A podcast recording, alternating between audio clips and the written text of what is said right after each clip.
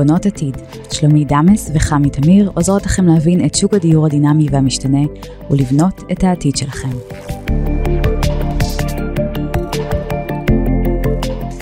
שלום שלומית. שלום חמי, בוקר טוב. אז אנחנו uh, בפרק חדש. פרק חדש פרק ומעניין. נוסף.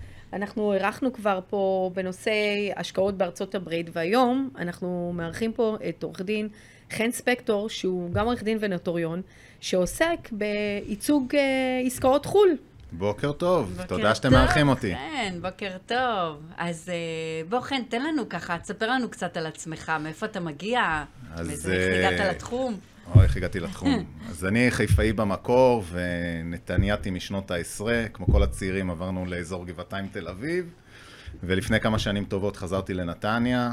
אה, עוסק בתחום כבר כמעט אה, קצת יותר מ-16 שנים, אה, ומתמחה בעסקאות עם תושבי חוץ, אה, פשוט כי אני יודע יותר משפה אחת, חוץ מעברית ואנגלית כמובן, אבל גם גרמנית ורומנית.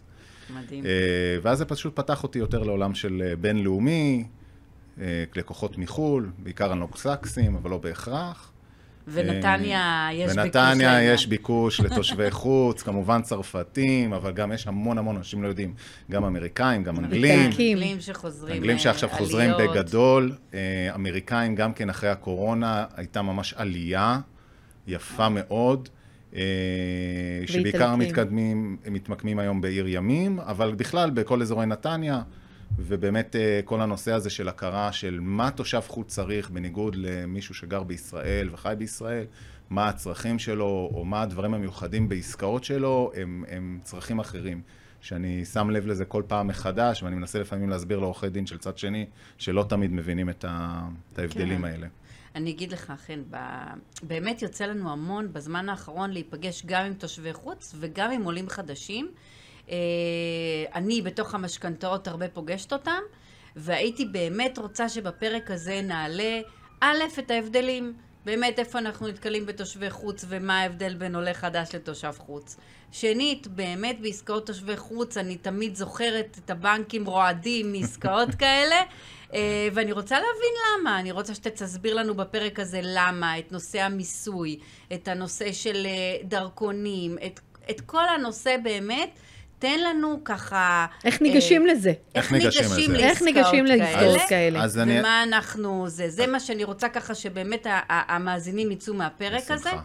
אה, ו, ובוא נתחיל רגע, בוא נתחיל באמת להבין, כשאתה מקבל עסקה, מה ההבדל בין עסקה רגילה לעסקה עם תושב חוץ? אז תראו, אולי הדבר החשוב ביותר, ומצחיק שאני צריך להגיד את זה, אבל זה הידע באנגלית. ולמה אני אומר את זה? כי יש ניואנסים נורא קטנים, שאנחנו, מה לעשות, אה, למרות שאנחנו, את יודעת, מתהדרים, וכולם למדנו חמש יחידות, ואנחנו מדברים אנגלית, ומטיילים בחו"ל, והכל בסדר. אנחנו מסתדרים אנגלית. כן, אבל זהו, זה מסתדרים מסתדרים ולא מדברים. מסתדרים ו- אנגלית. אז יש לי סיפור קטן של אה, מה קורה לשתי מילים, שתי מילים באנגלית, שכולנו יודעים את המשמעות שלהם, ומה המשמעות ומה ההבדל בעצם בין ה, אולי התרבויות, נגיד את זה ככה. אז לקוח אנגלי אה, מגיע לרכוש דירה מקבלן בנתניה, קבלן מאוד גדול, ידוע, קונה דירה גם לא זולה, משקיע ממיטב כספו באמת, ובכל השיחה, אה, הוא שואל אותו, האם אפשר משהו? מה עונה לו אשת השיווק שם?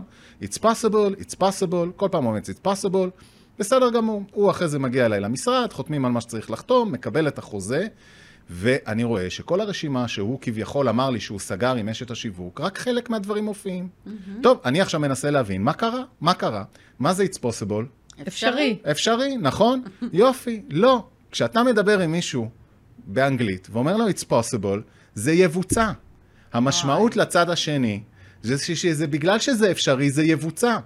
לא כשאני אבדוק את זה או אני צריך להחזיר לך תשובה, כי לא הייתה איזושהי הסתייגות. עכשיו תראו איזה זוג מילים, הבן אדם כמובן עכשיו עצבני, עכשיו צריך להתקשר. לא, בזה, ב- עכשיו זה, בינינו, זה היו דברים זניחים. מבחינה משפטית, מבחינה אולי כלכלית, לא הייתה הרבה משמעות. אבל לאותו בן אדם, הוא אומר, רגע. התחושה, אני סגרתי שלו." איתה, מה פתאום עכשיו אתם חושבים? אז באמת הסיפור של ידע באנגלית הוא מאוד משמעותי. אה, גם לעולים חדשים כמובן. גם כל הנושא... הניואנסים הקטנים כן, האלה. זה נורא חשוב. זה כל מיני גם גינונים מסוימים שהם רגילים ואנחנו לא רגילים, אין מה לעשות, אנחנו ישראלים, יש לנו קצת תרבות סמוך, קצת יהיה בסדר, הם הרבה יותר חוששים מזה. בן אדם מגיע למדינה זרה, לא מכיר פה את החוקים, רבותיי, כולנו, אנחנו עוסקים בנדל"ן. אבל כמעט תשאל כל ישראלי נדל"ן, יש לו תשובה. יש לו איזושהי תשובה, יש לו איזשהו ידע. הוא קרא, הוא שמע, הוא זה. זה אנשים שבאים, לא יודעים כלום. הם מכירים את מה שיש להם אולי במדינה שלהם, והרבה מהם דווקא מכירים מה יש במדינה שלהם. רובם, אה, אה, יש להם דירה, סתם לדוגמה, הרבה מדינות אירופה, מקובל מאוד לעשות עסקה אצל נוטוריון. לא עושים את זה בכלל אצל עורכי דין. הם לא מבינים בכלל את הסדר של העסקה. אז כמובן שבא תושב חוץ, צריך להסביר לו על איך מתנהלת העסקה בישראל, מה השלבים. סתם דוגמה, בארצות הברית יש מדינות שאתה חותם עסקה, ואז זה pending, כלומר העסקה היא לא סגורה, יש תנאי מתלה לבדיקת שמאות, לבדיקת מהנדס. זה דברים ופה זה חתמת, פה חתמת. חתמת זהו, אתה הסכמת. נסעת, כן. בדיוק, גם אם יש איזה פאקים קטנים, והוא אומר, רגע, אבל איפה הבדיקה? אז. כל מיני דברים כאלה שבאמת צריכים להסביר, וזה גם תלוי מאיזה מדינה הם באים וכדומה, אבל מה שנצטרך, צריכים לקחת איתם לגישה, מה שנקרא, של להכיל אותם לאט-לאט, מה השלבים, מה החקיקה, מאוד המועדים, מועדים מאוד חשוב להם. זאת אומרת שאתה אומר שבעצם לא רק חשוב העניין של להבין את העסקה וכעורך דין, להכיר את החוזה, להבין את התנאים וכולי, כמו שבעסקה רגילה, אלא כאן אתה חייב להבין מי הלקוח שעומד מולך ולהתאים בעצם את המשא ומתן או את, ה, אה, את הנתונים של העסקה זה אפילו יורד לאותו להסכם בן עצ- אדם שיושב מולך. זה לא רק זה, זה אפילו ההסכם עצמו, לפעמים יכלול סעיפים שלכל עורך דין ישראלי יראו מוזרים, כן. אבל לאותו בן אדם בחו"ל, מבחינתו זה אינהרנטי, כי זה משהו שמקשר אותו קצת לעולם שהוא מכיר. כן. וכמובן שיש לנו את כל הנושא המטבע, כן? מטבע זה משהו שמאוד מאוד אנשים, הרבה אנשים מתעלמים ממנו ולא מבינים אותו, אבל מה לעשות, עסקאות בישראל אנחנו עושים בשקלים. בשקלים. אבל הבן אדם לא מחזיק שקלים, הוא מחזיק דולרים, הוא מחזיק אה, פאונדים, הוא מחזיק אה, רנד אפריקאי או דולר קנדי. לצורך העניין זה לא משנה. יש לנו תנודות בשוק, יש תנודות של מטבעות, יש לנו תנודות של... עכשיו מרגישים את זה במיוחד. עכשיו אנחנו מרגישים את זה במיוחד. נכון. היה לנו פיחות, נכון. עכשיו פתאום התחזקות, יש לנו ממש תנודה חזקה. עכשיו, כשאנחנו, כשאנחנו מדברים על זה, זה לא נשמע, אבל כשמדובר על מיליון שקל, לפעמים זה הבדל של עשרות אלפי שקלים. נכון. יכול. להגיע, וזה מאוד מאוד משמעותי אה, מהבחינה הזאת. אז, אז מפה, ממה שאתה אומר, בעצם הייתי רוצה להבין, אני יודעת שבכל עסקת נדל"ן יש סיכונים, אוקיי? אנחנו יודעים וחשופים ל, ל, לסיכונים. אבל האם פה בעסקה של תושב חוץ יש לי סיכונים נוספים? כן, ברור. משני הצדדים, דרך אגב. אה, גם אה, כשאני מייצג תושבי, תושבי ישראל או אזרחים ישראלים שמוכרים את הדירה, צריך לקחת בחשבון שתושב בחו"ל, יש סיכונים שאתם לא יכולים להעריך אותם, מכיוון שאותה מדינה, אם, אם רק נסתכל על הקורונה, זו דוגמה קלאסית. Mm-hmm. בישראל היה פתוח, שם היה סגור. פה היה סגור, שם היה פתוח, ולחלופין. אבל גם uh, בהתנהלות, יש לנו חגים. אז יש חגים נוצריים, אז הכל סגור. סתם לדוגמה, אם אנחנו מדברים עם מישהו אה, לקראת סוף דצמבר, אין מה לדבר איתו עד ה-10 אז בינואר. עושים זמנים בחוזה, זה גם חייב- גם אוגוסט. כן, גם, גם אוגוסט, אוגוסט ואוגוסט ביס- ב- באירופה הוא חצי אוגוסט מהזמן אה, סגור. באירופה, אה, להגיד לך כן. את האמת, גם בישראל חצי, ס- בוא נגיד סוף כן, אוגוסט, עם הבנקים אבל עם. הבנקים והכל, כן. אבל צריך לקחת את הדברים. אה, צריך גם לקחת אה, עניין שהלקוח בחו"ל, אי אפשר לתפוס אותו. יש נכון. מקרים, אה, את יודעת, חס וחלילה קרה משהו, אין לך את הקטע הזה שהוא בארץ, אתה יודע איפה הוא, הוא נכון. שם. אז איך אתה מתקשר איתו, איך אתה מגיע אליו, מה הדרגי גישה? כמובן שיש לו עורך דין, אבל לפעמים זה לא מספיק, לפעמים קורות תאונ- תאונות, או חס וחלילה קורה משהו, זה דברים שלאנשים יש חשש, צריך לתת לזה מענה. אבל אני חושב גם שצריך לזכור שבסופו של דבר כולנו בני אדם, כן. וגם אני, כשאני מגיע לחוזה, אה, גם אם זה תושב חוץ, אם זה מהצד שלי או מהצד השני, צריך לשקף את זה לצד השני. במיוחד גם כשאנחנו מדברים על זמנים, למשל זמני גרייס. בכל חוזה גרייס אנחנו תמיד נותנים להפרות חוזה, אז יש איזו תקופה, חמישה ימים, שבעה ימים. אצל תושב חוץ הוא יהיה. יותר ארוך תמיד, יהיה. עשרה ימים, אולי אפילו שבועיים. גם לא צריך, ל- צריך גם לזכור שיש לנו העברות כספים בינלאומיות. תמיד, תמיד, תמיד בנקים. בטח, שאת, עכשיו בטח, בכלל זה קשה שאוהבים, להעביר כן. כספים. אם, אולי ניגע בזה. יש אמנה, לא משנה, שנכנסה ב, לתוקף בפועל בסופית עכשיו ב-2018, כן. הפכה את כל העולם, הלבנת הון, הלבנת הון. מה זה ה-W9? אה, לא, W9 זה הדיווח של האמריקאים, קוראים לזה אמנת פקטה, כן. אה, שבעצם אה, מסדירה הלבנת הון. אני לא אכנס לזה, כי זה לא כזה מעניין כן. אף אחד. מה שזה מעניין זה שכשבנק מקבל כסף הוא רועד. כשבנק מקבל כסף נכון. מחו"ל הוא רועד. ולכן צריך וגם- וגם לעשות... כשהוא צריך להוציא כספים, וגם כשהוא צריך להכניס כספים, פתאום הזרקורים עובדים כן, באופן... בדיוק. אה, תסביר לי זה. מאיפה, למה, תביא לי מכתב מרואה חשבון. זה עוד אחד מהדברים שצריך לדאוג להם לפני. אם אנחנו מדברים באמת על הבדלים, עולה חדש או תושב חוץ, שניהם נתקלים בזה, שאנחנו בעצם צריכים להראות את הדרך של קבלת הכסף. כלומר, לא מספיק להראות מאיזה בנק.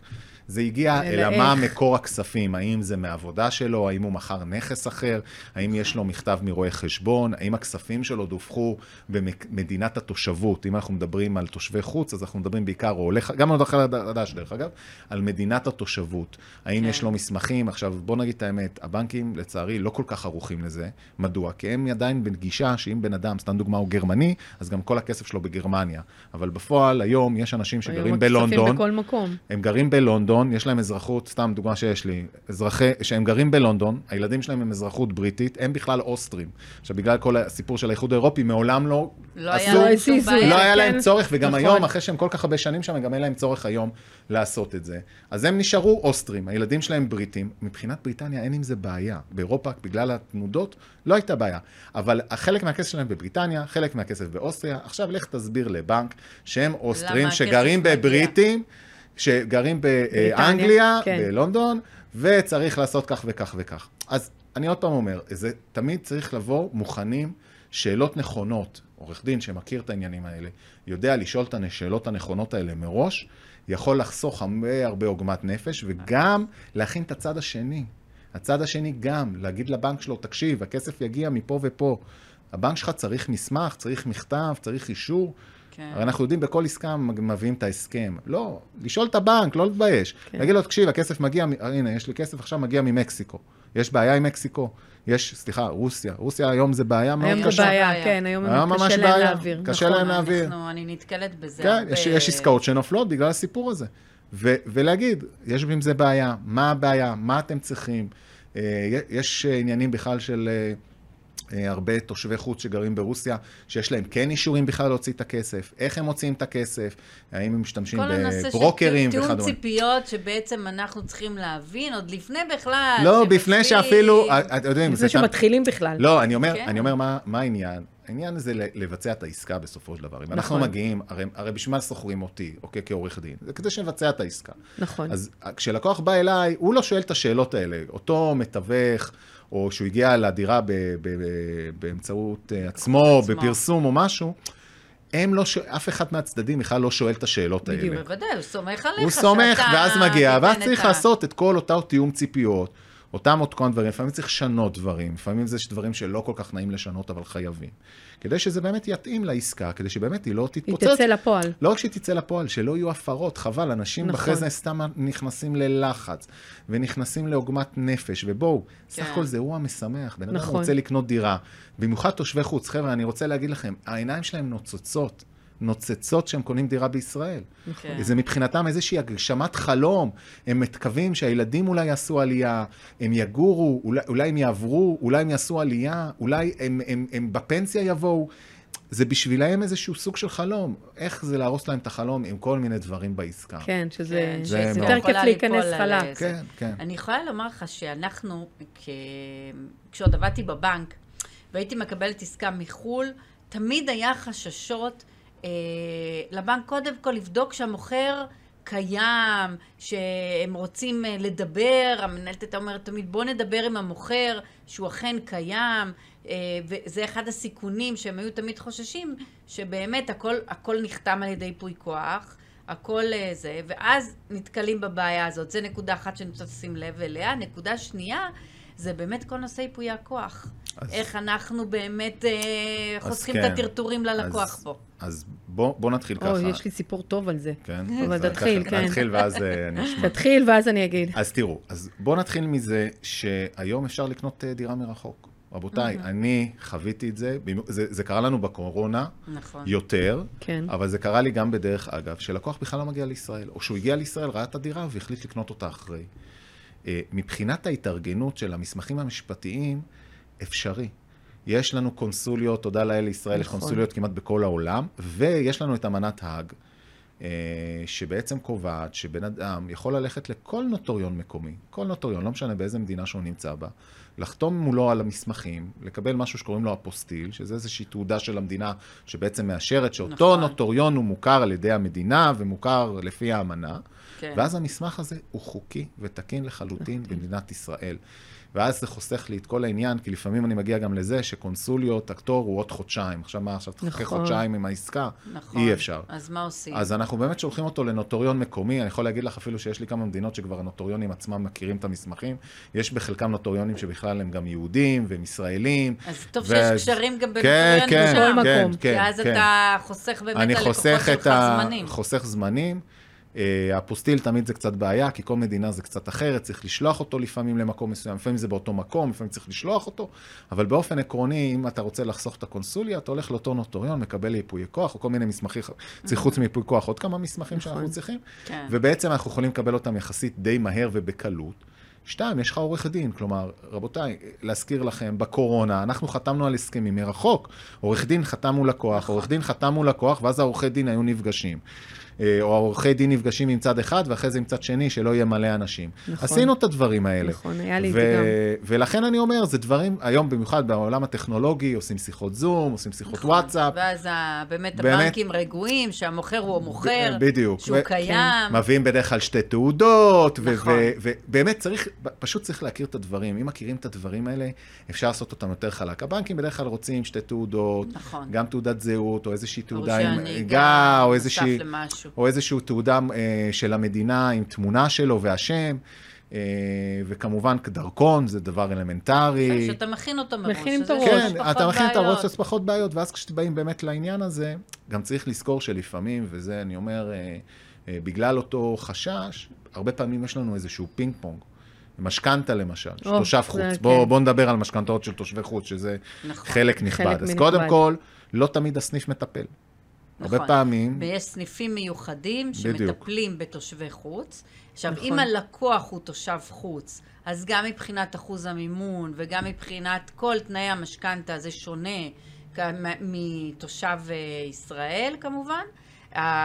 בתושב חוץ בעצם אנחנו מקבלים אה, אחוז מימון של עד 50 אחוז, אבל מספיק עם אותו תושב חוץ, יש לו תעודת זהות, אפילו עם תעודת זהות שהיא כבר ישנה, אני פתאום מצליחה להצליח להוציא לאנשים 70 אחוז מימון, מצוין, כי יש לנו תעודת מעולה. זהות. זאת אומרת, כן. אני- מאוד מאוד חשוב לי לשאול את אותו תושב חוץ שקונה פה בארץ, יש לך תעודת זהות אולי? נכון. זה כל כך חשוב, אתם לא מתארים את זה. דרך אגב, וזה חלקם... הופך את העסקה את לגמרי. העסקה ליותר קלה. חלקם, דרך אגב, אני אומר מראש, אם יש להם תעודת זהות, אני מעדיף להחתים אותם לפי התעודת זהות שלהם. לפי ולא הדרכון, הדרכון. ולא הדרכון. ולא הדרכון, כן. אה, יש עם זה בעיות, נרחיב על זה, אבל באמת המשכנתה, אנחנו מדברים על 50 אחוז, יש הרבה פעמים התערבות של היועצים המשפטיים של מחלקת המשכנתאות, שאומרים, תשמע, תביא לי עוד מסמך כזה, עוד כזה, נכון. אה, אולי הוכחות לגבי הכנסות, הוכחות כאלה, שזה קצת לפעמים יותר מורכב.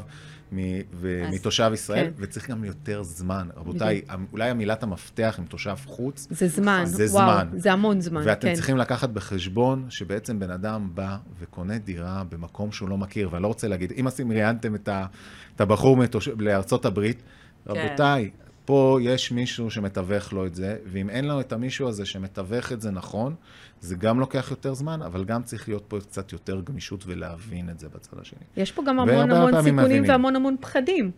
אני יכולה לספר לכם, אפרופו אה, התנהלות מול עורך דין שמומחה לעסקאות חו"ל, הייתה לי עסקה שהמוכר שהיה בארץ, הדירה הייתה שלו דירת ירושה, הוא תושב חוץ, והקונה היה קונה בארץ.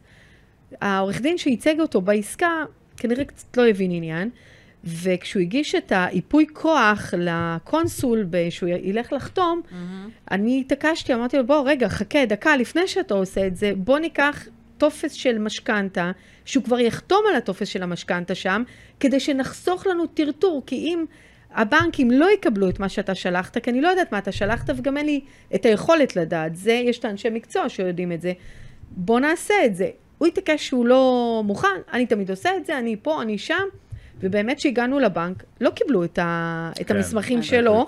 היפוי וב-. והקונה נאלץ להתפשר על בנק, כי אחרת המוכר עצמו היה צריך שוב לנסוע שעתיים לקונסוליה, לבזבז יום שלם, כי זה לא מהרגע להרגע, זה בדיקות ביטח, ביטח, ביטחוניות וכל כן. הדברים האלה. רק לקבוע אצלהם פגישה לפעמים. ולקבוע. ואנחנו- תנסי לקבוע פגישה בקונסוליה בדיוק, בניו יורק. בדיוק. חודש. אה, וזה, וזה דבר כל כך פשוט. וזה פשוט, זה משהו שאפשר, קטן. אנחנו יכולות באמת למנוע נכון. את זה. אם אותו לקוח מגיע ואני נותנת לו את הנוסח נכון. של ייפוי הכוח של הבנקים, ולכל בנק יש את הייפוי כוח שלו, אז אני נותנת לו כמה נוסחים וזה נכון. תופס. אז יש את התחרות בין הבנקים אחר כך, אנחנו יכולים לקבל באמת את נכון. הריביות הכי טובות, לעשות את, ה, את המיקוח ואת ה... נכון. זה אחרת לגמרי שלקוח באמת אה, מגיע כן, מוכן. והוא אה, לא היה מוכן, עם, הוא היה אה, עיקש. על המסמך הזה? ואני אומרת לו, בוא, תן לי. וזה סתם, והקונה מסכן, הקונה סתם היה צריך לשלם את המחיר של להתפשר על בנק כדי לא לטרטר את כולם, כי זה באמת באמת היה לא, אבל אני, סיפור. אני אומר יותר מזה, תראו, א', ייפויי הכוח, אם ניכנס לייפויי הכוח, כי באמת אולי זה נושא, אה, יש כן. בעיה, למה? הבן אדם לא פה. מי נכון. חותם על המשכנתה? מי נכון. חותם? נכון. מי, מי מבצע את העברות הכספים? מי נותן את ההנחיות? זה דברים אלמנטריים שיש כמעט בכל משכנתה. נכון. זה איפה, מי, מי חותם על המשכנתה עצמה, על כתבי ההתחייבות. ואז לך אה, תביא ו- ולך תביא, ואותו ושהוא קונה. יטוס לארץ, לא, ואז הוא יבוא לארץ, אתה שולח אותו. למה? אם יש את היפויי כוח הנכונים, אתה, זה, זה גם תלוי בעורך דין, אני אומר בכנות, יש עורכי דין שפשוט לא רוצים לעשות את זה, כי הם לוקחים על עצמם המון אחריות, רבותיי, אל נכון. תשכחו שהוא חותם בשם של מישהו על. משכנתה, נכון. עם תנאים מסוימים, עם דברים, אם אחרי זה יתברר שמשהו לא בסדר, אז יבואו לעורך דין בטענות, נכון. יבואו גם לבנק, לא לדאוג, אבל גם לעורך דין. יש עורכי דין, ואני אומר את זה, ואני מכיר, שלא רוצים, אומרים, עזוב, אני לא רוצה, בוא אני אשלח לו את המסמכים, וזה גם בסדר. אבל שייתן לו את האופציות, שיגיד לו, זה לא רק קונסוליה, יש לך נוטוריון מקומי עם אפוסטיל. זה הרבה יותר מהיר לפעמים, הרבה הרבה יותר מהיר, כי גם הנוטוריון יש לו אינטרס, כי אתה יודע, קונסוליה, מה אכפת לה? באותו בוקר הקונסול פתח את הדלתות אם כן או לא. אבל נוטוריון שמרוויח, והרבה פעמים במדינות, במיוחד באירופה, הם עושים שם כספים נהדרים, תראו איך הם רצים. ואז יום למחרת, יומיים למחרת כבר יש חתימה. עוד פעם, אפוסטיל מ- זה המדינה, זה קצת יותר זמן, אבל זה גם, אז, אז זה עוד שבוע. אז כן, זה לא נורא. זה או לא למשל. העברת המסמכים. אני לפעמים משתגע, לא נעים לי להגיד, לפעמים קמצנות של אנשים. רבותיי, דואר ישראל, לא נעים לי להגיד, נו, לא, זה לא מתפקד חודשים. בצורה מיטבית, אני אומר את זה נכון. בהכי עדין שאני יכול להגיד. נכון. רבותיי, אז יש חברות פרטיות, חברות שליחים, להביא עד הדלת, עולה עוד כמה גרושים, יעלה, שהמסמכים יגיעו, זה דברים... בעסקאות כאלה בעסקאות גדולות, חייבים בוודאי. מקור. אין, אני אומרת, לא, עסקאות גם כאלה חייבים גדולות, אל מקור. תסתכל על הגרוש. אתה מוציא פה מיליונים. לא, ואני אומר- אתה רואה את זה כל הזמן, אני- שאנשים שמסתכלים על הגרוש, על, אתה... על הגרוש, בדיוק. כשאתה קונה לפעמים דירה ב- ב- במיליונים, ו- ולא מדובר על מיליון שתיים, ואתה אומר, על זה, עכשיו על השליח שעולה עוד איזה 50 דולר, 50 אה, יורו, תשקיע, שהמסמכים נכון. יגיעו, שנהיה רגועים, שזה פה, וגם, אני תמיד אומר את זה, גם לעורכי דין, שעד שזה לא אצלך ביד, עזוב, נחכה. גם אם זה לוקח זמן. עכשיו, לפעמים אין מה לעשות, זה לוקח זמן, כי אה, הנה, עכשיו הייתה לי איזו עסקה, כל העסקה נדח, נדחתה כמעט בשבועיים, למה? בגלל Christmas. כי משם אין ממי לדבר. נכון, ו- נכון. וזה כבר לפני ה-25, כן? 25 זה... זה Christmas עצמו, אבל גם לפני, כבר כמה ימים לפני, אנשים כבר לא עובדים. כמו בארץ, רבותיי. כן. אנחנו עכשיו נכנסים... אה, אווירת סוף בוודאי. קורס. חול המועד, פסח, בואו תראו. כן. אני עם הילדים, אני פה, אני שם, אני רק חצי עובד. לא, גם כל הרשויות לא והרשויות עובדות, יודע, בכלל לא מתפקדות. חצי כן, אה, לא מתפקדות בת- בחגים, לא לא מדבר על החגים, גם לפני, קצת אחרי. תמיד יש לנו את הטווח הזה. אבל נכון. למשל, ב- ב- באירופה או בארצות הברית, הדברים האלה אפילו, וגם ב- יותר בכלל, קיצוניים. יותר קיצוני, כי אין עם מי אפילו לדבר. בין ה-25, ואז זה תלוי, במדינות אירופה זה יכול להגיע אפילו עד לעשירי לינואר, ונגיד בארצות הברית, אז שלישי, חמישי, ואז גם, יש מדינות שזה כבר השלישי, יש מדינות שזה חמישי. אתה, אתה צריך לדעת את הדברים האלה, להתכונן אליהם. עכשיו, נגיד סתם דוגמה, קבועה לך נגיד העברת כספים במועד הזה. אוטומטית הבן אדם לא יכול לעשות את זה, אין לו עם מי לדבר. ואז מתחיל... ואז אה, מתחיל, למה זה מאחר, למה מה קורה, ולמה למה אז ככה. מראש בחוזה מעדכנים את התאריכים המתאימים נכון. לפי אז ה... אני- שמכיר את אז התאריך. זה בדיוק. העניין, ב- צריך זה. להכיר את זה. כשאני פותח סתם יומן, וסתם עכשיו אנחנו קובעים תאריכים. נכון. לפי הלוח שלנו, ישראלי, צריך לפי. החגים בארץ. שגם, דרך אגב, גם אצלנו, לפעמים אנחנו קובעים. בחגים. נכון. עכשיו, אז, אה, לקראת פסח, אני אומרת. לאנשים, קחו חודש וחצי, חודשיים כן. לקבלת המשכנתה. זה בטח. לא זה לא, לא לא אותו דבר. תקבלו לפני. עוד, נכון. ש... עוד, עוד נקודה, אבל אני רוצה לחדד ככה את מה שאתה אומר. באמת אנחנו מסתכלים על, על חלק אה, של אנשים שמחו"ל שקונים בארץ, שזה באמת התייחסת, ויש גם מצב של ישראלים שקונים ממישהו שגר שם, בחו"ל. בחו"ל. בחו"ל. זאת אומרת, זה יותר קל אולי, כי אותו מוכר יותר- נמצא שם, אבל... יותר אנחנו- קל, אבל למשל צריך מאוד לשים לב, וזה משהו שאני אומר לאנשים, רבותיי, מטבעות. מטבעות. נכון. בסופו של יום, אה, היום יש כמה דרכים להעביר כסף. אה, זה לא רק דרך הבנקים, יש היום כל מיני חברות חברות. ברוקראז' שמוכנים לעשות העברות בינלאומיות, לא משנה, הם פותחים כזה חשבון או, או פחות חשבון, מערכת בנקאית בחו"ל לפעמים קצת יותר מתוחכמת. אה, יש בנקים, מעבר לעובדה שיש ממש בנקים וירטואליים, אז יש גם חשבונות וירטואליים, שגם אפשר להחזיק כל מיני מטבעות.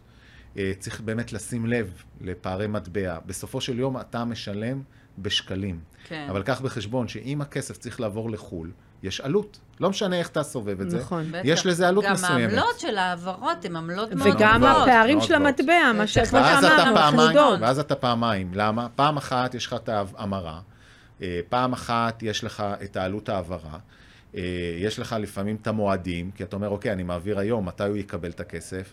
אה, יש מערכות שונות של העברה, אם אנחנו מדברים, רוב העולם עובד עם איבן, שזה המערכת שגם אנחנו, או סוויפט, מה שאנחנו מכירים פה בארץ. כן. אה, בארצות הברית למשל יש בנקים שלא עובדים עם זה, עובדים עם מערכת אחרת. האם הבנק יודע איך להעביר את הכסף? וואו, זה- איזה זה זה- עולם בפני עצמו, זה- כל זה- הדברים האלה. ואני אומר- ואיך אפשר לסמוך על חברות הברוקרים האלה? כאילו, זה גם משהו לא, שדי תראי, יש, אה, יש מפחיד. ניסיון, יש כן, יש ניסיון. ניסיון, זאת אומרת, יש אתה מכיר ניסיון. את אני, ה- מכיר, אני מכיר כבר כמה חברות שאני עובד איתן כבר כמה שנים טובות, אנשים אה, שאפשר לסמוך עליהם, בדרך כלל גם מה שקורה, אם להיכנס ש... על רגל אחת, הם בעצם פותחים חשבון בינלאומי באחת ממדינות אירופה או באנגליה, אה, בריטניה, ואז הכסף מועבר בעצם לחשבון שמה, שהוא על שם אותו לקוח, ואז רק זה, אה, ואז זה מומר שם, או יש חשבון, חשבונות רבולוט, חשבונות בעצם שיכולים לקבל כל מטבע ולהחזיק אותו באותו מטבע, אה, אפילו אם זה שקל או ין או, או pound, זה לא משנה מה. כלומר, כל הנושא הזה של העברות כספים, באמת שהוא נושא בפני עצמו, אני אומר בכנות, צריך לקחת אותו בחשבון, והזמנים, והמטבע, והעלות של ההעברה. ככה שאתה קנית עכשיו דירה. ואתה אומר, אוקיי, חתמתי חוזה שתי, שתי, שתי מיליון שקל. אוקיי, אז אני מכין שתי מיליון שקל, זה לא להכין שתי מיליון שקל. זה להכין... אה, זה להכין קצת יוקר, יותר. כי יותר, יש לך עלויות נוספות, גם, הנוספות. גם שיש לך... וגם תנודות מטבע, צריך ודעת לקחת... תנודות מטבע. למרות שתמיד, תמיד, ה- ה- ה- ה- אולי ההתייחסות של העורך דין חשובה, מתי המטבע, או מה השער יותר נכון שנקבע. כי למשל, אתה יכול לקבוע את החוזה בשקלים, נכון. אבל- אני קונה בית בשתי מיליון, מה בדיוק, מה אתה רוצה? ממני? כן. אבל אתה צריך להגיד, תשמע, אם אני קבעתי שאנחנו קבע- קבענו שני מיליון, אין בעיה. אז שתי מיליון, מה הערך של הדולרי שלו היום, או ערך הדולרי תמיד שלו? אתה מתרגם בעבר? את זה אני למוכר? תמיד, תמיד צריך, לא אולי לתרגם את זה, אבל שזה כן יהיה איכשהו ברור אה, לשני הצדדים, מכיוון שאם אנחנו מדברים על פערי, עזבי את העלות העברה, הורדנו עלות העברה, אוקיי, צריך לשלם כסף לבנק, שילמתי. הפערי ההמרה לפעמים, בין כמה ימים יכולים להיות תהומיים. תהומיים. אנחנו רואים, במיוחד עכשיו, היה לנו מטבע שהשקל היה חזק, הוא היה נכון. יחסית מאוד מאוד יצוי, והיה לנו פה איזה נקו, נקו, אפס נקודה... כן, התנודות היו קטנות היו יותר. מאוד קטנות. היה לנו עכשיו תנודות. גדולות. נכון. בן אדם שאמר, אוקיי, אני מקבל X כסף, פתאום אומר, רגע, אני קיבלתי Y כסף, אני העברתי X כסף, הבן אדם שמה קיבל Y כסף.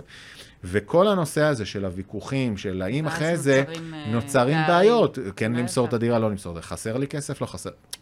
יש פה, יש פה עניין, ואז בן אדם, רגע, אבל לא קיבלתי. יש לפעמים העברות שבכלל מתבצעות רק בחו"ל. אז מה, מה, צריך לקבוע את הדברים, צריך לתת לזה התייחסות. עוד פעם אני אומר, המטרה, איך אני אומר, עורך דין לא, לא רואה... תופרים את השמלה לפני, כמו שצריך. עזבי את השמלה, עורך דין אף פעם לא יכול לראות טוב. אם הייתי רואה טוב, אף אחד לא היה בא אליי. אני אומר, אני לא אופטימי. עורך דין לא יכול, יכול להיות אופטימי בעבודה שלו. אולי בחיים אני יכול להיות מאוד אופטימי, אבל בעבודה אתה חייב להיות פסימי. כי הרי מה, מה, למה הולכים לחוזה? כשדברים משתבשים, נכון. כשדברים לא הולכים. נכון. לא, כי כשהכול טוב, אף אחד לא מעניין אותו החוזה, נכון. הכל זה, יאללה, זה רץ. בואו רק נסתכל שהכל מה בסדר. קורה כשלא? מה קורה שלא. נכון. ולכן צריך באמת להתייחס לכמה שיותר נקודות, ועדיין, ופה קורים לנו דווקא דברים. בעסקאות האלה יש לנו קצת יותר סיכונים, יותר קצת יותר סיכונים, דברים שאנחנו כן. צריכים נכון. לשים אליהם לב, הרבה הרבה נקודות קטנות שאנחנו באמת לא, מומחים, לא, שידעו לא להתעסק מכירים. עם תושבי חוץ. ו... ואם אנחנו מדברים על זה, אז אני מדבר אפילו לעניין הדרכון. למה? אוקיי. כי הנה, דרכון, תעודת דרכון, זהות ומה ש... למשל. דרכון, תעודת זהות ומה שביניהם, בואו נקרא לזה ככה לכותרת. למה אני אומר את זה? תראו, בן אדם בא מחו"ל, יש לו דרכון, אממה, רבותיי, זה לא כמו תעודת זהות, זה מתחלף כל כמה שנים. נכון. הדרכון שלו... המספר עצמו המספר מתחלף. עצמו, המספר עצמו. מתחלף. השם אותו שם, המדינה אולי אותה מדינה, אבל המספר מתחלף. עכשיו, לך תסביר שמשה, שהיה לו מספר דרכון 1, 2, 3, זה עדיין משה, שעכשיו זה בכלל 4, 5, 6. צריך להביא מסמך ולצלם. נורא חשוב לראות מתי התוקף שלו. אבל רגע, אני עכשיו, אני עכשיו נכנסתי לעסקה, אוקיי? כן. אותו אחד אה, שמוכר לי את הבית הוא תושב חוץ. נכון. יפה. עכשיו, אני באתי ואני חותמת את העסקה, אותו בן אדם הוציא לי דרכון. אומר לי, הנה, זה הדרכון שלי, מראה לעורכי דין את הדרכון, עד- אה.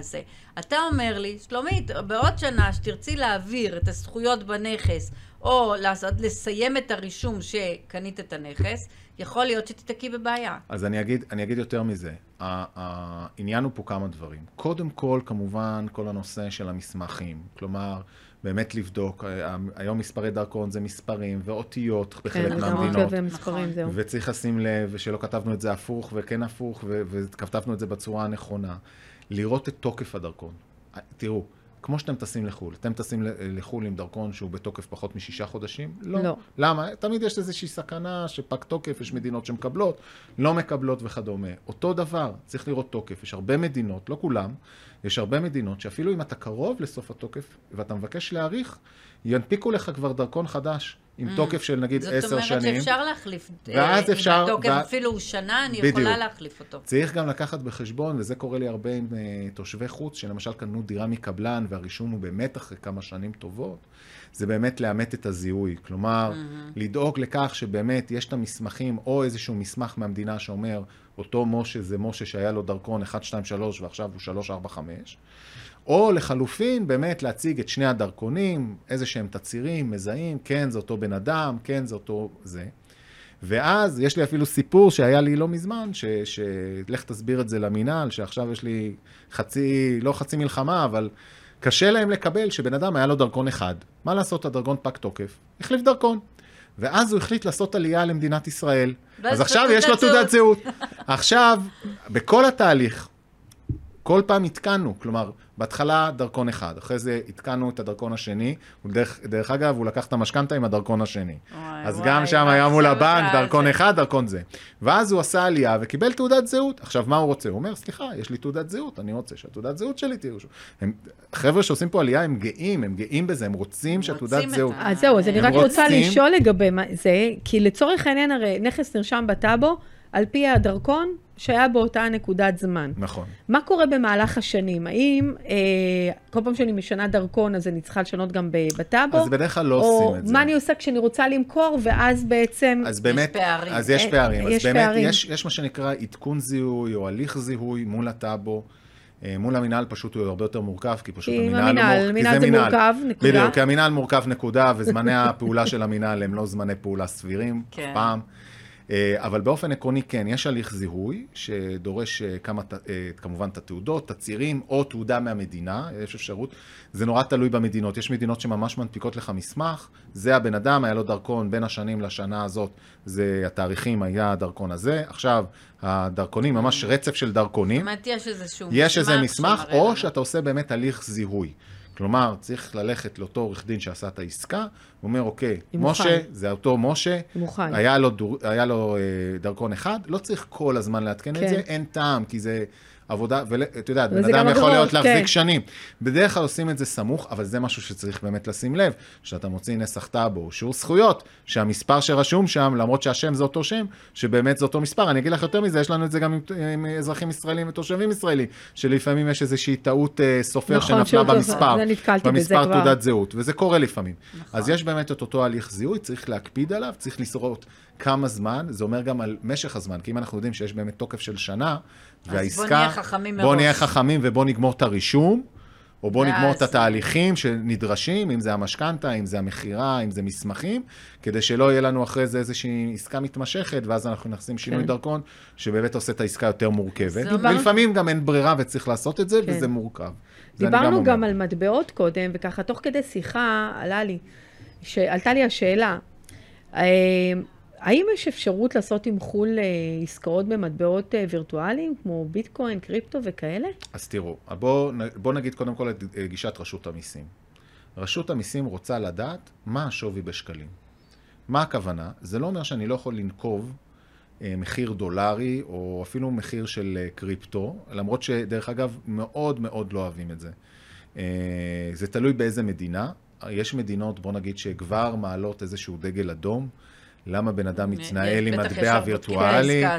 איזשהו, בדיוק, ואז אה, תמיד אה, יש בעיה של כמה שולם, מה שולם, מה מקור הביטקוין, מאיפה הכספים. לצערי הרב, המדינות וגם הבנקים, אנחנו נמצאים קצת, נמצאים קצת מאחורה בעניין הזה. יש המון חשש. יש כמובן גם את המוניטין של המטבעות האלה. כן. בוא נגיד שאולי ביטקוין, אתריום, שזה אולי שני המטבעות היותר מוכרים ויציבים, אז בוא נגיד שאולי הם קצת יותר קלים במרכאות, אני אומר, כי באמת, זה הם לא באמת קלים. תמיד, תמיד יעלו השאלות.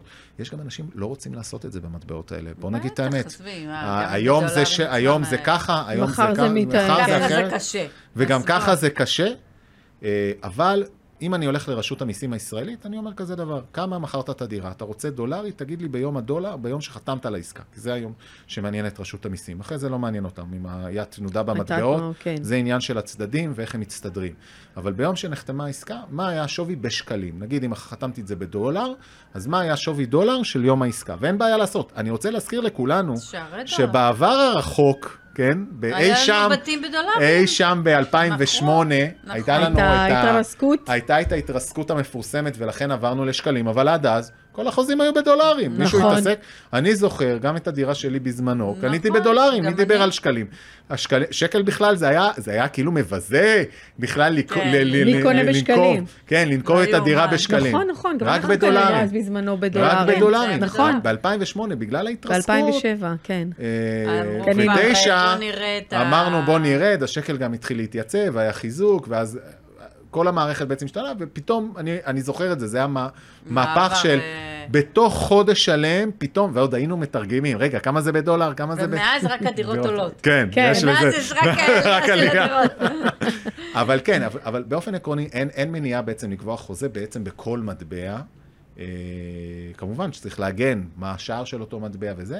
כן. את רשות המיסים, רבותיי, מה היה השווי של, בשקל של יום החתימה? זה מה שמעניין זה אותם. מה שמעניין. אם, אם- אם עברת את, ה, את המשוכה הזאת, כל שאר המשוכות זה כבר בין הצדדים. אז אם אתה באמת נוגע בעניין מיסים זה, וכזה, כן. אז באמת בוא תן לנו את הדגשים על, ותפריד לי בין אם אני רוכשת ממישהו בחו"ל, האם יש לי איזשהו משהו בעניין מיסוי, ואם מישהו מחו"ל קונה בארץ. בארץ. כן. מה אז- זה אומר? ותלוי מאיפה גם. כן, גם, כן. אז יש לנו פה בעצם אה, כמה דברים. אז קודם כל בואו נדבר על אה, אזרחים ישראלים, תושבים ישראלים.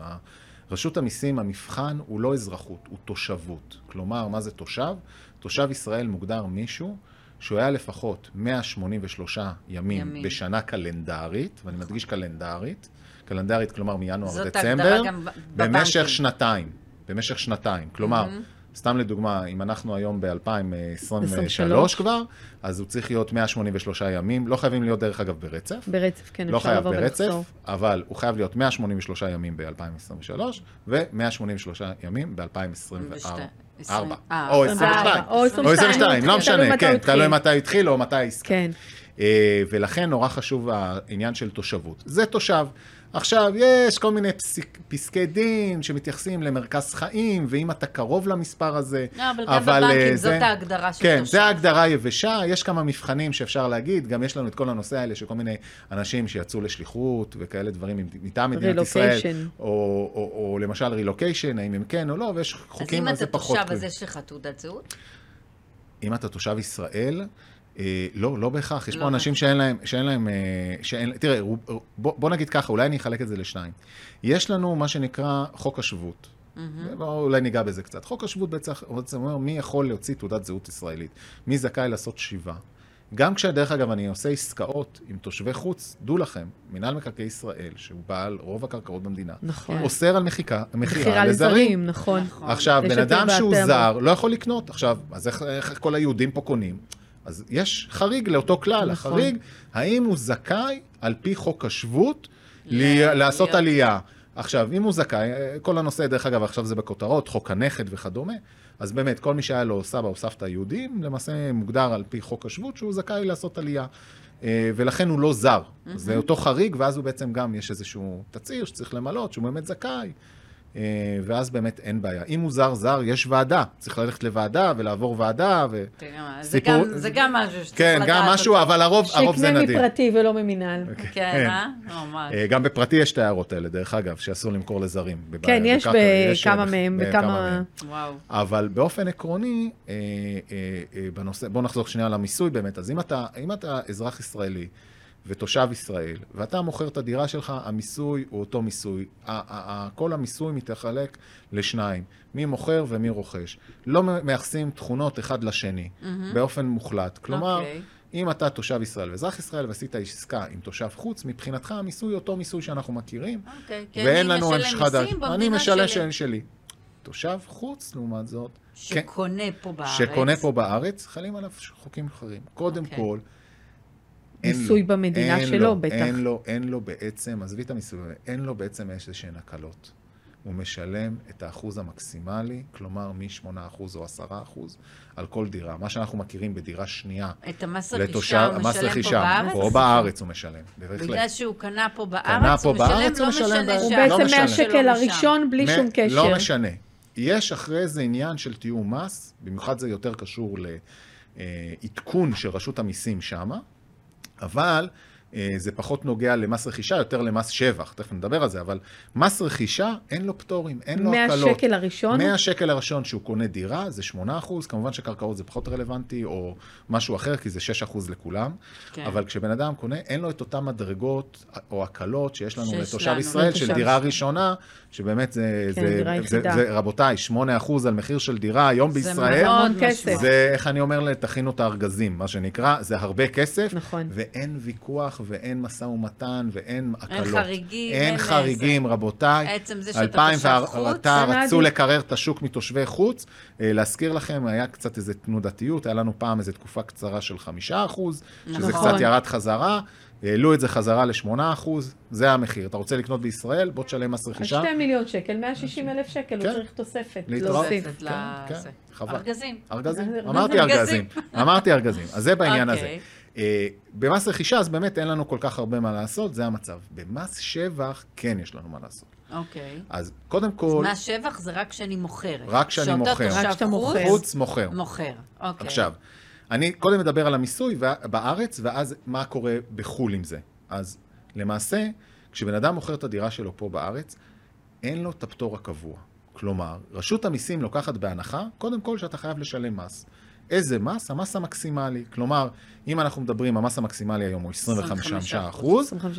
או אם במקרה והוא רכש לפני 2014. גם אם זו דירתו היחידה גם בארץ. זה- גם אם זה גם אם זה דירתו. היחידה בארץ, כי תכף נדבר, יש איזה חריג קטן לזה. אוקיי. הם אז גם בודקים אם יש לו דירה בחו"ל. או, יפה, תכף נגיע לזה, כי זה יפה. כבר עלית הייתי- על הנקודה, אבל... הייתי, כן, פשוט הייתי בעסקה אז הזאת, אז רגע, אני אני, יודעת. אני, אני רק רוצה להגיד כן. לזה, אז כמובן, מי שקנה לפני 2014, אוקיי. יש את החישוב הליניארי, המקל, אז הוא יכול להשתמש באמת בליניארי, או 25 אחוז. כמובן, עוד פעם, הוצאות מיוחדות שהוא הוציא. עבור הרכישה או המכירה של הדירה, פה אפשר להכניס, אם למשל היה לו עלויות של העברות, לא העמל- העמלות עצמם על העברה, אבל אם למשל הוא שכר איש מקצוע, דברים- לא אה. שערי, אבל אם הוא רכש אנשי מקצוע. סתם לדוגמה, הוא עשה שליחים, הוא או משכנתאות, או אם יש תשלום ספציפי לאותה חברת ברוקראז' והיא הציעה לו חשבונית על זה, הוא יכול להתקזז על זה, כי זה היה חלק ממשהו שלהם. מהעסקה. פערי המטבע הוא לא יוכל לנצל, אבל הוא כן יוכל לנצל הוצאות, ולהם יש הוצאות מיוחדות, כי הוא היה בחו"ל. אז היה לו נוטוריונים, היה לו אולי... אה, אה, מתווך. מתווך אה, זה, היה לו אולי דברים... הנסיעות לארץ? לצערי לא? לא תופס. לא הם לא. מקבלים את זה. אוקיי. לצערי לא, כי הם אומרים, הבן אדם בא גם ככה לחופשה, אז לא יקבל, אבל את יודעת, זה עוד כמה קצת עלויות שאפשר לקזז, ובכל זאת... כל שקל זה. ברכה. בדיוק, אני אומר, צריך למצוא, ובאמת למצוא את ההוצאות שהיו במהלך הרכישה, וההוצאות שיש לו עכשיו במכירה, כנ"ל. כן. אז זה, אז זה מבחינת באמת הקיזוזים, ובאמת זה די דומה למה שקורה לבן אדם שיש לו שתי דירות בישראל. אבל, וזה הנקודה, חמי, יפה מאוד על, ה, על הנקודה הזאת, אם אין לו דירה במדינת המקור, מה הכוונה? רשות המיסים אומרת, אתה יודע מה? אני אלך צעד קטן קטן לקראתך. אם אתה תושב חוץ ואין לך דירה בחו"ל, עכשיו, מה, מה היתרון? אה, הרבה אנשים בחו"ל הם סוחרים. הם לא נכון. בעלי דירות. כן. כי שם יש שכירות נכון, מוגנת. נכון, נכון. הם לא בעלי דירות. זה הרבה אומר- יותר נפוץ מאשר פה. בדיוק, הרבה הרבה יותר נפוץ, כי יש שכירות לטווח ארוך. אם אין לך, מ- אין לך דירה במדינת התושבות, ותביא לי תעודה על זה, וזה אולי הבעיה. כן, איך נדבר מציגים על את איך זה. מציגים את זה. אה, באמת? תביא לי איך תעודה? או, או, או, זה, זה מה שאני שואל. ותביא לי תעודה על זה, אז אני מוכן להכיר בזה כדירה יחידה, ולתת לך את את? הפטור, את הפטורים בהתאם לדירה יחידה, כן? אהה. אבל, מה הבעיה? לך תביא את לך התעודה. תביא את התעודה. זהו, איך מזה- עכשיו, מציגים באה דבר רשות כזה? המיסים, הישראלית, שאני באמת, אה, אה, אה, אין לי הרבה תלונות אליה. בניגוד להרבה רשויות מנהל, לא אמרתי אף רשות, סתם, אוקיי. שלפעמים יש איתם בעיות. רשות המיסים באמת מתנהל באופן תקין, בסך הכל, רוב הפעמים אנחנו, יש דיון, יש שיח אה, עם אותם מפקחים שדנים בתיק, אה, לפחות מהניסיון שלי, אף פעם לא נתקלתי באיזושהי חומה בצורה, תמיד יש איזה שיח, לפעמים אתה לא אוהב את התשובה, אבל שיח קיים תמיד. אומרים לך, תביא לי תעודה, אז איזה תעודה אתה מביא? כן, איך- הם מה מבקשים, אפשר להביא? או, זהו. או, אז הם מבקשים תעודה רשמית של המדינה, או של רשות המס באותה מדינה. עכשיו, מה הבעיה? אין במדינות האלה כאלה תעודות.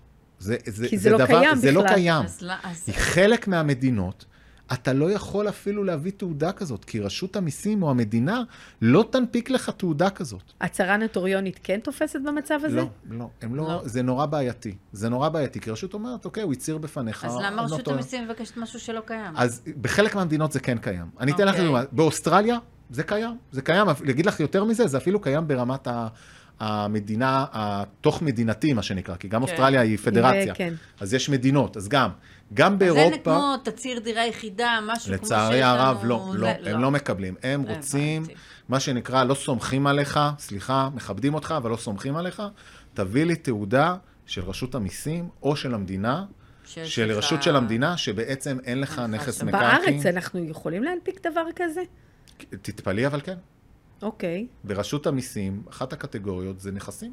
כן, נכון. על השטח. כן, טוב, אנחנו כעצמאים כל מצהירים אחד של הצהרת זכאות, הון. כל אחד שרוצה עכשיו זכאות, דרך נכון, אגב, לדירות, זכאות, בדיוק. לדירות של מחיר למשתכן, מחיר מטרה. מחיר ל- מרוץ לדירה, נכון. כן. כל הדברים האלה, התעודה הזאת, זה התעודה. נכון, זה אוקיי. התעודה. תעודת זכאות. זה תעודת זכאות, היא בעצם התעודה אה, שמוכיחה שאין לך נכס אחר. שאין לך נכס. אוקיי. אה, ויש לנו בעיה נוספת, בהחלטה, אה, לדעתי, אומללה. אני לצערי אומר שהיא אומללה, כי לא צפינו אותה. לפני כמה שנים הייתה החלטה של, אה, במספר תיקים שהגיעו לערעורים וכדומה, כן. שבעצם הפטור שקיים לנו בירושה לא קיים. נכון. כלומר, שתושב חוץ מקבל דירה בירושה, אנחנו יודעים שעד חצי דירה נכון, אה, זה זה פטור, נחשב. וגם אם הוא קיבל את הדירה בירושה, אז הוא יכול אה, לחשב אותה כאילו נכנס בלעלה, בנעליו של של, הנפטר. של הנפטר, ואם הנפטר הייתה לו דירה יחידה, הוא יקבל פטור. נכון. אז לא, אין את זה. כלומר, יכול להיות מצב, בזה. היה לי מצב כזה, שישה אחים ואחיות, שאח אחד, שהם היו אח תושבי אחד, חוץ? לא, לא, אח אחד כולם בחו"ל. היו תושבי ישראל ואזרחי אוקיי. ישראל. כולם, דרך אגב, אזרחי ישראל, אבל היה, כולם היו תושבי ישראל. חוץ היה מאחד, אח אחד היה תושב חוץ. הם כולם לא שילמו שקל, והוא שילם. נכון, כן. היה לי כן, גם לא את זה. לא הייתה ברירה. עכשיו, לא רק בדירת זה. ירושה גם כן, אותו לא, דבר. רק, גם מה חבל? שכל הקיזוז, תראי, מצד אחד אני אומר, הוא, הוא, הוא משלם על החלק היחסי שלו, אבל גו, גם כל הקיזוזים הם בחלק היחסי שלו. וואו. נכון. אז, אז אולי קיזוז ישיר שלו, אוקיי, סתם דוגמה, לקחו עורך דין אחד, אז הוא לא יכול להפחית את כל השכר העורך דין, הוא כאילו צריך לחלק את זה לשישה, אלא אם כן הוא שכר עורך דין לבד, והוא לא יעשה את זה. אה, הוא לקח מתווך, אז זה שישית מהמתווך, הכל, הכל חלקי שש, רק הוצאות ישירות שהוא אה, שילם, הנוטוריון, שיעורים נוטוריונים, אה, כספים ספציפיים שהוא, שהוא היה צריך לשלם לו אז זה נכנס בניכוי מלא. לצערי רב, בעניין הזה, אני חושב שזה באמת החלטה אומללה, בסך הכל הרי אם הבן אדם לפני שהוא היה נפטר היה מוכר את הדירה, אז היה לו פטור. אבל שוב, אה, הכל, אה, זה החלטה של רשות המיסים, לצערי, אין לנו, אין לנו הרבה מה לעשות אלא עם אם זה. כן הוא היה מעביר את החלק שלו על שם אחד האחים שגר בארץ, ואז היה מקבל גם, את חלקו. ג- בדיוק, אז גם מתנה, היום אנחנו יודעים שמתנה, גם צמצמו את הפטורים שהיו, וזה כן. רק דרגה ראשונה.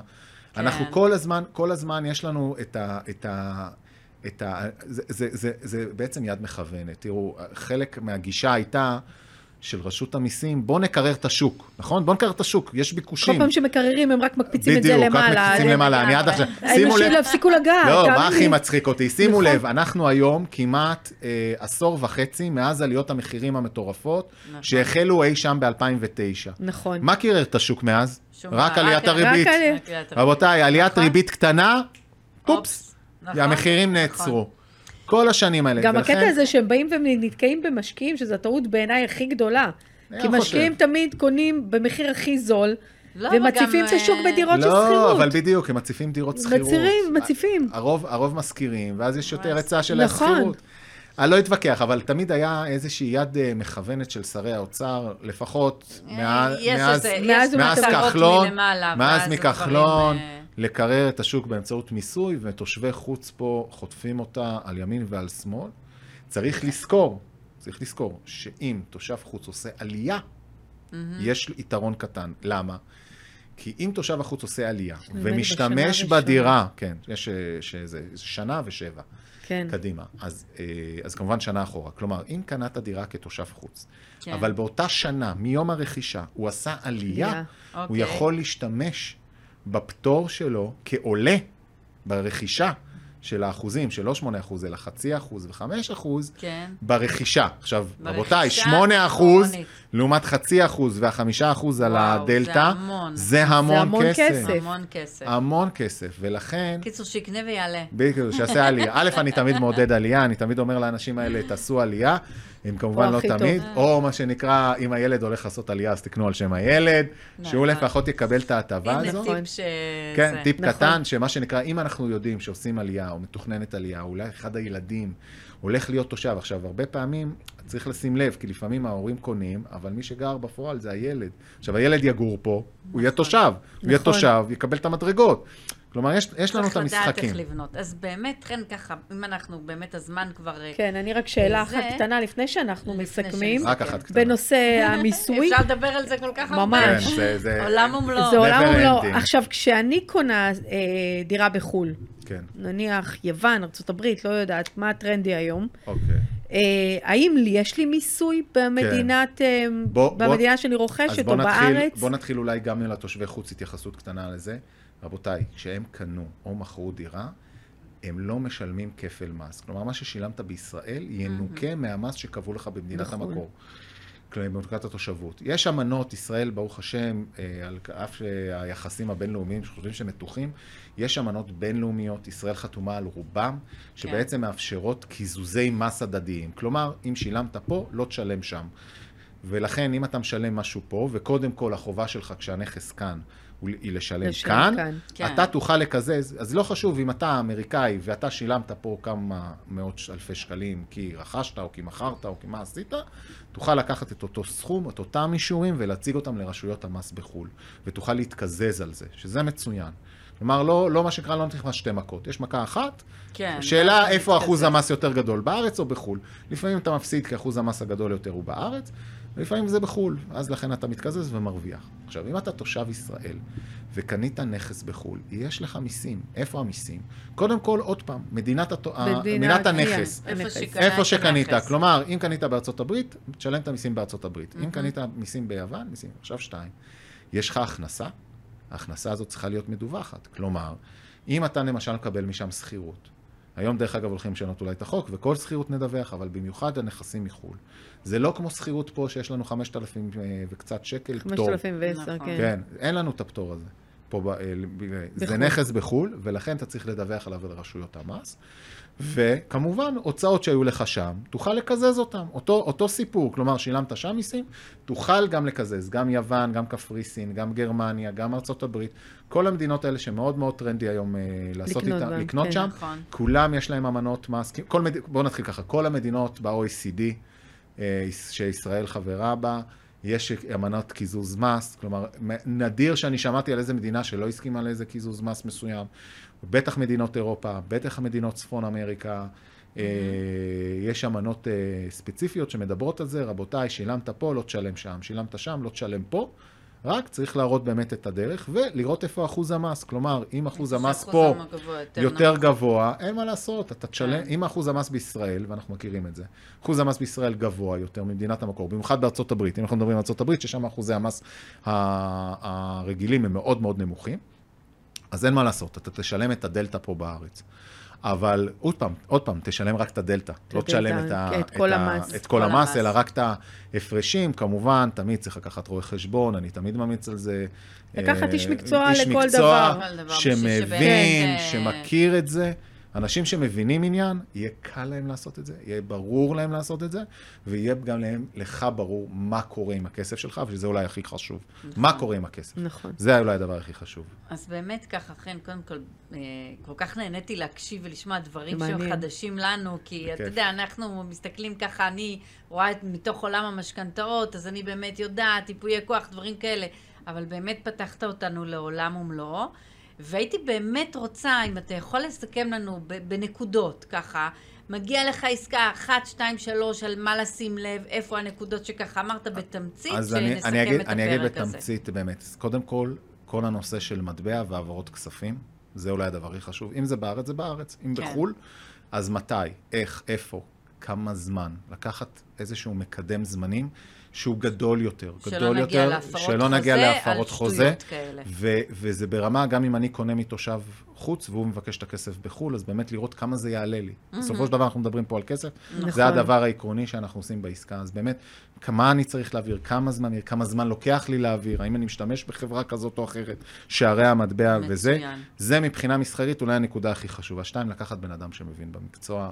אני חושב שזה שיודע אולי... אנגלית, אתה אומר. שלא רק יודע אנגלית, שיש לו ניסיון. שמכיר את התרבות. ניסיון. שמכיר את הניסיון. שיש לו ניסיון בעסקאות האלה, זה בדרך כלל פותר את רוב הבעיות בדרך, או לפני, כן. מאשר כשזה נקודתי. עדיין תמיד קורים, קורים דברים, אין מה לעשות, גם בעסקה בישראל בסדר, קורים אבל דברים. כשאתה מוכן, אבל ואתה כשאתה מכיר, מוכן ויש לך ואתה ניסיון, מכיר, זה זה הרבה יותר. קל, איפה. ייפויי הכוח, מי מחזיק אותם, שזה יהיה בארץ, שיהיה גישה, שזה לא יהיה, אה, סתם רבותיי, עורך דין מחו"ל לא מוסמך לעסוק בדין ישראלי אם אין לו רישיון ישראלי.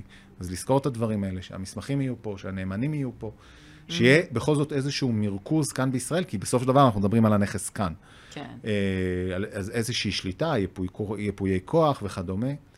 ושלוש, באמת הנושא של הקפדה על הטפסים, על הטפסים הנדרשים, על ההכנה מראש לעסקה. כן. הכנה מראש, באמת, מי שמבין ויודע, במיוחד את כל הנושא הזה של, שקשור או להעברות הכספים, או למסמכים שנדרשים מהבנקים. ואני יכול אפילו לתת אפילו איזה קוריוז, היה לי עסקה, דווקא בהעברה השנייה התחילה הבעיה. בהעברה הראשונה. תלוי הייתה- לאיפה חלק. מעבירים את הכספים. לא, אותו העברה מאותו מקורות, אותו דבר. פתאום הבנק על ההעברה הראשונה אמר, טוב, היה לי הסכם, יש לי אסמכתה, באה העברה שנייה, פתאום אמר, רגע, רגע, רגע, רגע.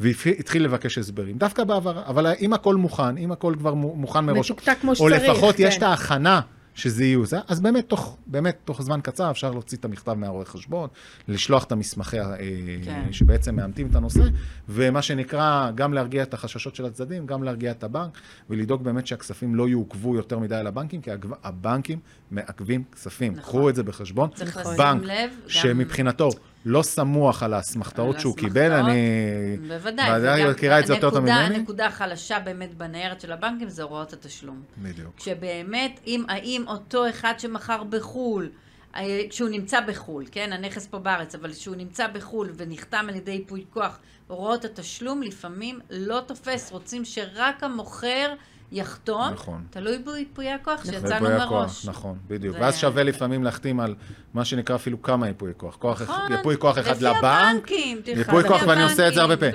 איזה אה, משכנתה, בנק מזרחי, בנק אה, פועלים, נכון, לאומי, דיסקאונט, לא משנה.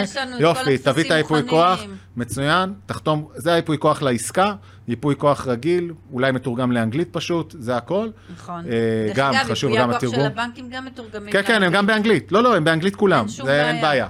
הם גם בעברית, יש גם אפילו כאלה שהם אה, עם הנוסח כפול, אבל בדרך כלל הם מעדיפים או אנגלית או עברית. אה, ופשוט לשלוח ותחתום גם על זה וגם על זה ביחד. נכון. הוא עושה את זה כמקשה אחת, יש את השני ייפויי כוח, ואז לכל מקום אתה שולח את שניהם, סגרת את הפינה, אין לך בעיה, גם הוראת התשלום, גם קבלת הכספים, אפילו מסירת המפתח, רבותיי. קבלת המפתח, קבלן, רוצה לתת לך מפתח. רגע, עורך דין, ייפוי כוח רגיל של עורך דין, לא מדבר בכלל על מסירת נכון. מפתח. נכון. אבל בבנק, דרך אגב, חשובה. וזה משהו שלמדתי דרך אגב רשום שם גם לעניין קבלת המפתח. נכון. אז אני גם הכנסתי את זה לפוי כוח שלי, שלא היו לפני זה. זה נעשה בעבר כבר, עברו כמה שנים מאז, אבל אני אומר, זה כן, איזה נקודה. חשוב. לשים לדברים הקטנים האלה, כן, כן, כי בעצם מי רשאי לקבל... הרי מה קורה? בדרך כלל כן. אנחנו פה, אין בעיה, סומכים על סמוך. כמו שיהיה הכל בסדר. מסתדר.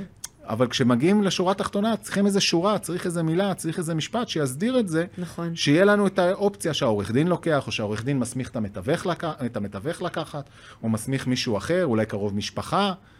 אז, זה- נכון. אז זה דברים שהם אה, מאוד מאוד חשובים. היי, מדהים. חן, באמת, אה, היה קודם כל תודה.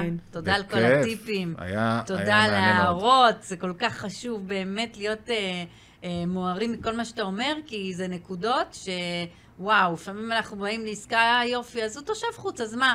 אבל הנה, תראה כמה דברים פתחנו והבנו, אז תודה רבה שהגעת. תודה רבה לכן, ממש מניסיון נהניתי. למדתי את. כל התושבי חוץ האלה ברגל. הרבה הנה, ברגל. את רואה, מי שישמע את הפודקאסט הזה, לא עכשיו חייב לעבור שלו. לפחות הוא יהיה מודע מודע, כן, לדברים האלה. כן, זה דברים ש... את יודעת, זה... איך אני אומר, היה, היה, כשעשיתי התמחות, היה לי שותף, לא כל כך אהבתי אותו, כי הוא כל הזמן ירד לחיי, אבל היום כמה הוא צדק, אלוהים נמצא בסוף בפרטים בפרטים, הקטנים. לגמרי בפרטים תמיד בפרטים הקטנים. הקטנים. נכון. תודה נכון. רבה לכם, ממש נהניתי. תודה רבה, חן, היה תודה. ממש כיף. תודה רבה. אז סיימנו עוד פרק של אה, בונות עתיד, נכון. וניפגש בפרק הבא.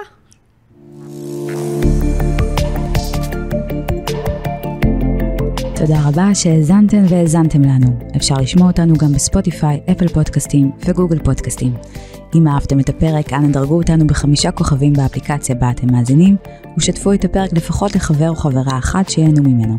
זה יעזור לנו להפיק עבורכם עוד תוכן. אם יש לכם רעיונות לפרקים נוספים, או לנושאים שתרצו שנדבר עליהם, צרו איתנו קשר. מוזמנים לבקר בפייסבוק, באינסטגרם, ביוטיוב ובטיקטוק שלנו.